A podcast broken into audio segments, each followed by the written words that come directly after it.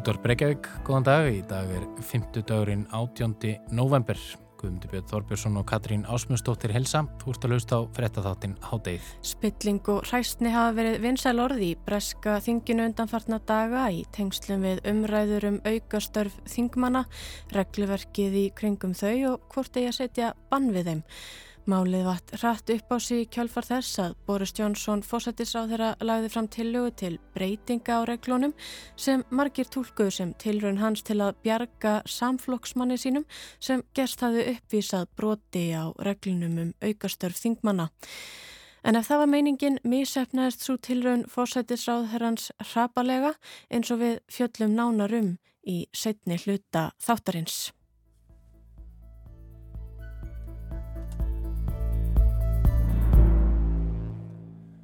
En við byrjum í Líbíu. Sónur Muammar Gaddafi fyrirverandi leðtóða Líbíu er meðal þeirra sem nú gefa kost á sér í fósettakostningum í landinu.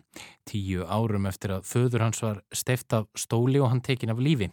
Algjör upplaust nefur ríkt í áratug í landinu en hann segist nú alltaf endur samina landið og kosið verður á aðfangadegi Jóla.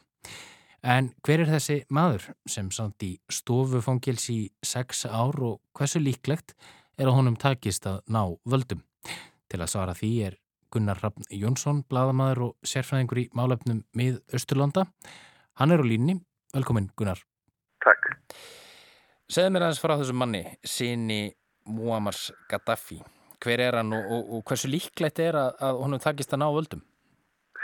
Hann er mjög áhugaverður maður og margar hátt. Hann dúkaði fyrst upp sem vonar prins á valdatíð föðusins. Hann var, uh, má segja, ræktaður, uh, þá eru ræktu tengsl við hann af, af erlendum aðinum í Fraklandi, Breitlandi, Bandaríkunum og víðar sem að vonuðist til þess að hann myndi taka við af Muammar Gaddafi að því að hann hljómaði svona eins og hann var í umbúta sinni á sinum tíma talaði á þann hátt að hann vildi innleiða meira líðræði í landinu og uh, gera hlutinu á annan hátt heldur en fæður hans. Uh, það sem gerir síðan náttúrulega er að hérna, uh, fæður hans náttúrulega lendir í, í þessum óbáslegu átökum sem að fylgja arabíska vorinu og tekur þannig á málunum að hann bara stráfellir mótmænendur og, og hérna, sonur hans Seif al-Islam tekur virkan sátt í því og, og, og stýrði vígarsveitum uh, gegn mótmælendum og gegn uh, almennum borgurum í landinu. Þannig að það var frekar vandræðilegt að það fengi heiðurs nafnbót frá LSE, uh, London School of Economics, þar sem hann hafi verið við nám og menn þurfti allt í hérna að bakka mjög mikið með það að hann væri vonarstjarnar framtíðarinnar en hann var síðan handsamaður af já, vígarsveitum í Líbíu eftir að fadur hans uh, var skotindi banna eða mistur af, af uh, sömu vígarsveitum og, og, og hérna, stefta stóling.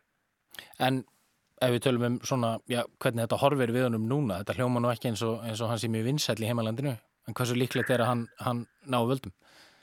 Það er mjög erfitt að segja náttúrulega hver er vinsæl í Líbíu því að skoðanakannanir er eitthvað sem er mjög erfitt að framkvæma. Það er algjör upplust í, í landinu. Það hefur ekki verið neinn starfhæf ríkistjórn í, í tíu ár síðan að Gaddafi uh, fór frá völdum.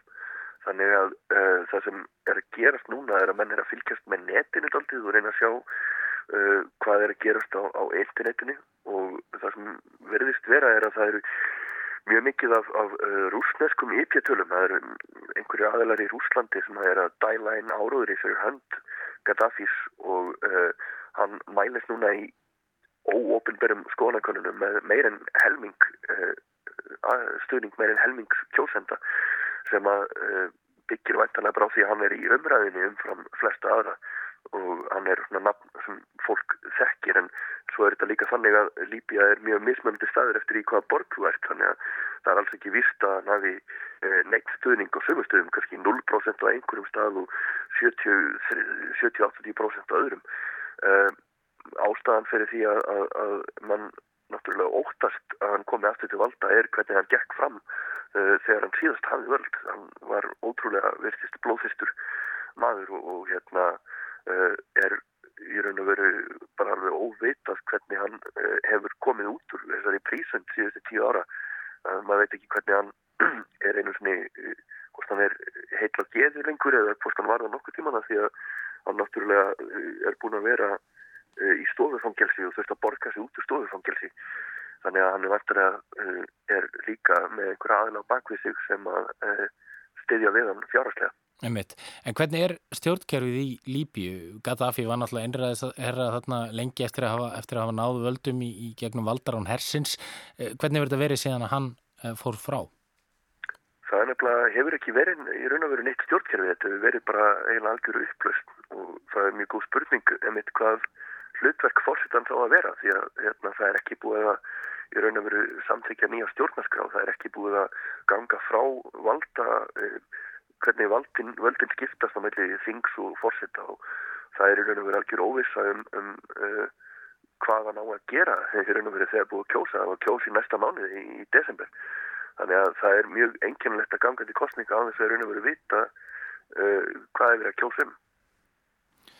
Emitt, þetta er allt saman undarlegasta mál en já, Gaddafi, eins og segir, þetta er umdeldur maður mjög, Gaddafi yngri, um, hann er eftirlýstur uh, ekki satt? Og, og þá kannski verðt að spyrja hvernig hérna, alþjóðarsamfélagi hefur bröðist við því að hann alltaf byrða svo fram til fórseta Það flækir þetta náttúrulega ennþá meira að hann er eftirlýstur uh, af alþjóða glæpadómstólnum fyrir stríðsklæpi og hann var dæmdu til dauða bara 2015 í heimalandinu í Líbíu fyrir stríðsklæpi sá dómur gekk tilbaka þennilega bara því að já, dómskerfið er náttúrulega bara í algjöru ruggli Uh, þannig að þú veist þetta maður sem er með dauðadóm á, á bakkinu er eftirlýstur fyrir stríðsklæpi og menn velta fyrir sér uh, mun uh, alþjóðsamfélagið takk upp fyrir að stef og segja að hann sé bara umbóta sinni og þetta sé allt í, í góðu. Er það hægt þegar hann er með þessa fortíð á bakkinu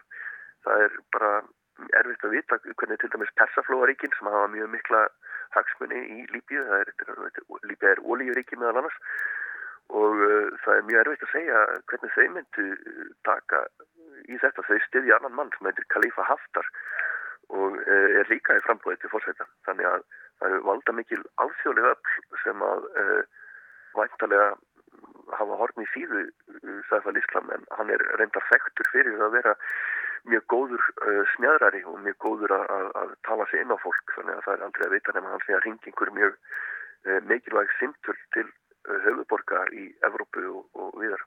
Emitt og bara alveg logíkunar, hann á náttúrulega bróður sem var hérna mikið í fréttanum á sín tíma vegna þess að hann var fókbóltamæður ekki satt sem að gati ekki neitt en var fyrirlið í landslýsins. Var í líbíska landsliðin og allt í, í krafti oljuðsins í Líbíu náttúrulega alveg eins og Eh, heiður nafnubætunar sem þeirra hafa fengið bræður og, og hérna, námið þeirra að komi ljósa að fyrr hafðu líklega falsað eða stólið stórum hluta af doktorsreikjarónum sínum sem að þeir uh, fengu frá uh, einhverjum uh, bara þeir greitu til að skrifa fyrir sig.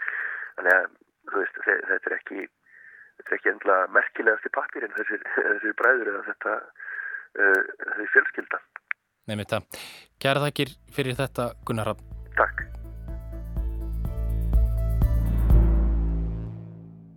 Allt ætlaðum kollað keira í neðri málstofu Breska Þingsins í gær þegar upp úr sögðmilli Boris Johnson, fórsetis ráðara landsins og Keir Starmer, leðtoga verkamannaflokksins.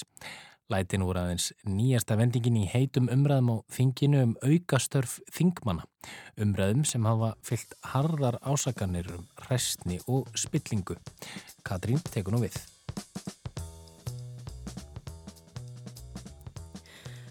Eins og reglurnar eru núna er þingmönnum heimilt að sinna öðrum störfum samhliða þingmennskunni og þykja laun fyrir sem bætast á við um það byl 80.000 pundin eða um 14 miljóna króna árslaun þingmannana. Það er þó eftir eftirlit með þessum aukastörfum og þingmönnunum gert að gefa upp alls konar upplýsingar um störfin, svo sem um fyrir hvernig er vinna, hvert vinnuframlæðið er og hvað er fá greitt fyrir til að tryggja að þau fara ekki báa við reglur og lög, svo sem reglur um hagsmunabaróttu. En þingmönnum er með öllu óheimilt að beita sér í þáu fyrirtækja, einstaklinga eða samtaka sem þeir þykja greiðslur frá, reyna til dæmis að breyta lögjöf eða stefnu stjórnvald halda þeim í hag og verði þeir uppvísir að slíku getur leiði við því refsing svo sem brottvísun úr þinginu. Og það var þetta regluverkum eftirlit með aukastörfum þingmanna sem hrindi þessari atburðarás allrið saman af stað eða nánar tiltekið var það tillaga Borisar Johnson fórsættisráðherra á þinginu í síðustu viku um að reglurnar erðu endurskoðaðar. Rík þörf væri á breytingum á þeim en ljóst væri að þær væru óréttlátar og tryggðu þingmannum ekki nægilegan rétt til ansvara til að raukstiðja málsett fyrir þinginu væri grunur um brota á reglunum. Þetta hljóma kannski ekki eins og eitthvað tiltökum álað ráð þeirra stingju upp á endurskoðun regluverks en hins vegar höfðu margir strax evasemdir um forsendur tillögunar. Flestir töldu tillögun að vera tilraun fórsætisráðherrans til að hjálpa eða bjarga samflóksmanni sínum frá því að sæta refsingu eða viðurlögum vegna brota hans á reglum um aukastörfin. Það er að segja hindra að þingið refsaði þingmanninum og fyrrum ráðherranum Óen Pattersson fyrir brot hans á reglum um hagsmunabaróttu við aukastörf þingmanna með því að þykja greiðslur fyrir störfi þáu hagsmunasamtaka samhliða þingstörfunum. En sama dag og Johnson veldi upp breytingatillögunni stóð til að þingi greiti atkvæðu um hvort brottvísa eitti Pattersson úr þinginu í 30 daga vegna brotsins. Hins vegar yrði þingið við breytingatillögum fórsættisráðherrans myndi brottreksturs atkvæða greiðslan ekki fara fram og Patterson yrði því ekki beittur viðlögum. Fórsættisráðherran lagði nefnilega til að breytingarnar yrðu afturvirkar sem yrði þá heldur einstakt en fæstar laga og reglubreitingar eða setningar eru það. Henni flokkarnir höfnuðu tillögunni og stjórnin satt því einu uppi með málið, margir sökuðu fósættisráðherran um að reyna að grípa framfyrir hendurnar á breska þinginu með tillögunni, sögðana til marksum bersinilega tilrun fósættisráðherrans til að bjarga samflokksmanni í vanda. Afar misemnaða tilraun því málið vatt upp á sig á ógnar hraða, fósætisráðurann mætti harðri gaggrinni úr öllum áttum og málið nánast snýrist í höndunum ánum og hugur hans fyldi en eftir aðeins sólarhing eftir afskipti Johnsons tók hann nánast algjera uppeyju í afstöðu sinni eflust til að reyna bjarga því sem bjargað varð. Eða reyndar var það ekki hann sem tilkynnti þó um afstöðubreytinguna í þinginu heldur stjórnarþingmaðurinn Jakob Rís Mák tengileður þings og stjórnar sem sagði að kerfisbreytingarnar hefði því miður flext saman við mál Pattersons og þau tengsl yrði að rjúfa. Næsta skref yrði að flokkarnir rættu saman um frekari framvindu. Fósætisráðurann var fjärstatur þegar tilkynning stjórnaþingmannsins var gerð. Áðurnemdur Patterson sem heyrði fréttinnar í fjölmiðlum sagði þá umsjálaust af sér enda fósættisáður að búin að snúa við honum baki. Þá kvatti Johnson þingmenn til að verja tíma sínum og kröftum í þáu umbjóðenda sinna í stað þess að taka að sér önnur störf. Sagði þingmannastörfin ávalt verða verið í forgangi og að þingmenn yrðu fyrst og fremst að beita kröftum sínum í þáu kjósenda. En því miður fyrir fórsættisráðherran verðast bæði ummælinn og viðsnúningurinn aðeins hafa gert ílt verra. Jafnvel kallað á enn háværari gaggrínisrattir því skindilega beindust öll spjótur öllum áttum bæði innan flokksans og utan að Boris Johnson sem var sagður skorta íhalds yfirbræð og var sagaður um hræstni og spillingu. Umræður um meinta spillingu innan flokksans, íhaldsflokksins, fóru þá fljótt á flug. Flóðgátt spillingar umræður sem skadað getur stjórnina og tröst almenningstilennar hafi verið opnuð. Þá lætist svo grunur að mörgum að þessi ósk fósættisáðherrans um breytingar eða endurskoðun á regluverkinu hefði ekki aðeins verið þó í þáu samflokksmanns að hugsanlega hefði hann sjálfur eitthvað að fela, vantaði mögulega sjálfum vernd frá núverandi reglum um aukastörf, hefði sjálfur eitthvað óhreint mjöl í sínu pókahotni. En Johnson hefur sjálfur haft ágætlega upp úr sínum aukastörfum í gegnum tíðina, líkt og Alistair Graham fyrfirandi formaður síðanemdar breska þingsins benti á. Hann saði Johnson ekki rétta mannin til að reyna að síða þingmenn til og kall eftir breytingum. Því ekki aðeins hefði hann sjálfur þjenað miljónir meðfram þingstörfunum, heldur hefði hann nú einnig reyndað hlýðra kerfinu til. Þá eru þrjú málir hann varða til rannsóknar hjá þingnemdum að svo stöttu. Og miljónir í tekjur eru ekki ígjur hjá Greyham því síðustu 14 ár hefur Boris Johnson þjenað yfir fjórar miljónir punta samhliða þingstörfum sínum og borgarstjórastörfum eðum 700 miljónir íslenskra króna samkvæmt samantækt Financial Times. Þó að teki fram að frá því að hann tók við ennbætti fórsætisráðherra árið 2019 hefur hann ekki skráð tekjur utan þingstarfa. Í kjálfar viðsnúnings og ofur umræður var bóða til aukafundar í þinginu til að ræða siðferði og aukastörf þingmannana. Það vakti aðtigli þegar auka þingfundurinn fór fram í síðustu viku að fórsetisráðherran let ekki sjá sig. Í staðin baðst þó annar ráðherra, Steve Barclays, afsökunar á málinu og þessu öllu saman í þinginu. Og enn ómöðu gaggrínisratinnar Kýr Stamer leðtogi verkamannaflokksinn sagði að fósætisráðherran hrektist augljóslega undan, þyrði ekki að mæta. Hann hefði nú leitt flokksinn í gegnum skólpræsið og fílan lotti við hann. Þá kráði stjórnarþingmaðurinn Mark Harper fósætisráðherran um afsökunarbeðni, fannst að Jónsson ætti að koma fram byggja almenning og þingheim afsökunar en það væri það eina rétta skref sem leiðtogi ætti að stíga. Þetta var í síðustu viku og enn hefur ekki afsökunar beðni borist frá Boris Johnson og áfram er kallað eftir henni og kallið er hávært. Um það snýrust meðal annars Þing Erjur og Læti gerdagsins.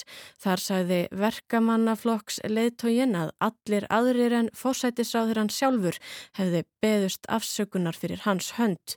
Það bæri merki um heigulshátt og síndi alls ekki leðtóa hefileika. Everybody else, everybody else has apologised for him, but he won't apologise for himself. A coward, not a leader. Stamer var þó gert að draga umæli sínum heigulsátt tilbaka af fórsetta neðri málstofu þingsins. En Johnson var ekki lengi að reyna að snúa vörn í sókn, sagði Stamer kasta steinum úr glerhúsi, reyna að breyta, reyna að beita lögfræði klækjum til að varpa kastljósinu frá sjálfum sér, saka aðra um að gera það sem hann sjálfur væri raunar segur um. En Stamer sendi sjálfur aukastörfi með fram þingstörfunum þó ekki eftir að hann tók við sem leðtogi flokksins. But what I think everybody can see, Mr. Speaker, is that in a classic lawyerly way, uh, the right honourable gentleman is now uh, trying to prosecute others for exactly the course of action that he took himself. Lindsay Hoyle fósetti neðri málstofu Breska Þingsins gaf lítið fyrir þessar tilraunir Johnsons, reyndi að læja öldurnar í Þingsalnum og skipaði fósettisráðuranum að setjast niður. Saði Boris Johnson vissulega vera leiðtoga landsins en benti honum á að í Þingsalnum væri það þó hann sem réði ríkjum. Order, order, order. Minister, Prime Minister, sit down, Prime Minister. I'm not going to be challenged. You may be the Prime Minister of this country, but in this House, I'm in charge, and we're going to carry on. Aðsögn fjölmila í Breitlandi voru herrleg heitin átök gærdagsins í þingsalnum með þeim verstu í þinginu frá því Boris Johnson tók við sem fósætisráðura og þingforsetin óttast að málið sér til þess fallið að skada orðstýr þingsins og traust almennings til þeirra starfa og hugsanlega þarf þingforsetin eitthvað áfram að óttast því nú taka við nokkrar vikur af umræðum og umfjöllun innan þingsins um hvernig ég að fara að því að styrkja regluverkið um aukastörfin og ákvarða hvar ég að draga línuna, hversu ströng þau ég að vera. Það er því kannski að vænta meiri skrýpaláta innan breska þingsins á næstu vikum og hugsanlega að málið hafi viðtækari afleiðingar, fleiri rannsóknir inn í aukastörf þingmanna komið til og mögulega afsagnir en þingmarin Andrew Bái hefur þegar sagt af sér sem varamaður íhaldsflokksins, sagðist einfaldlega ekki treysta sér lengur til að verja aðgerðir ríkistjórnarinnar og spurning er hvort fleiri fylgi í hans fótspor.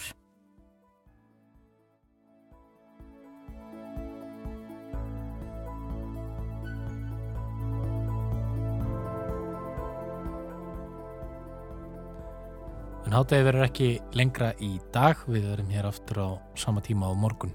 Þátturinn er einnig aðgengilegur í spilaranum og hlaðvarpsveitum og þá er þetta að senda okkur post með ábendingum á netfangið háttegið hjá rúf.is. Verið sæl.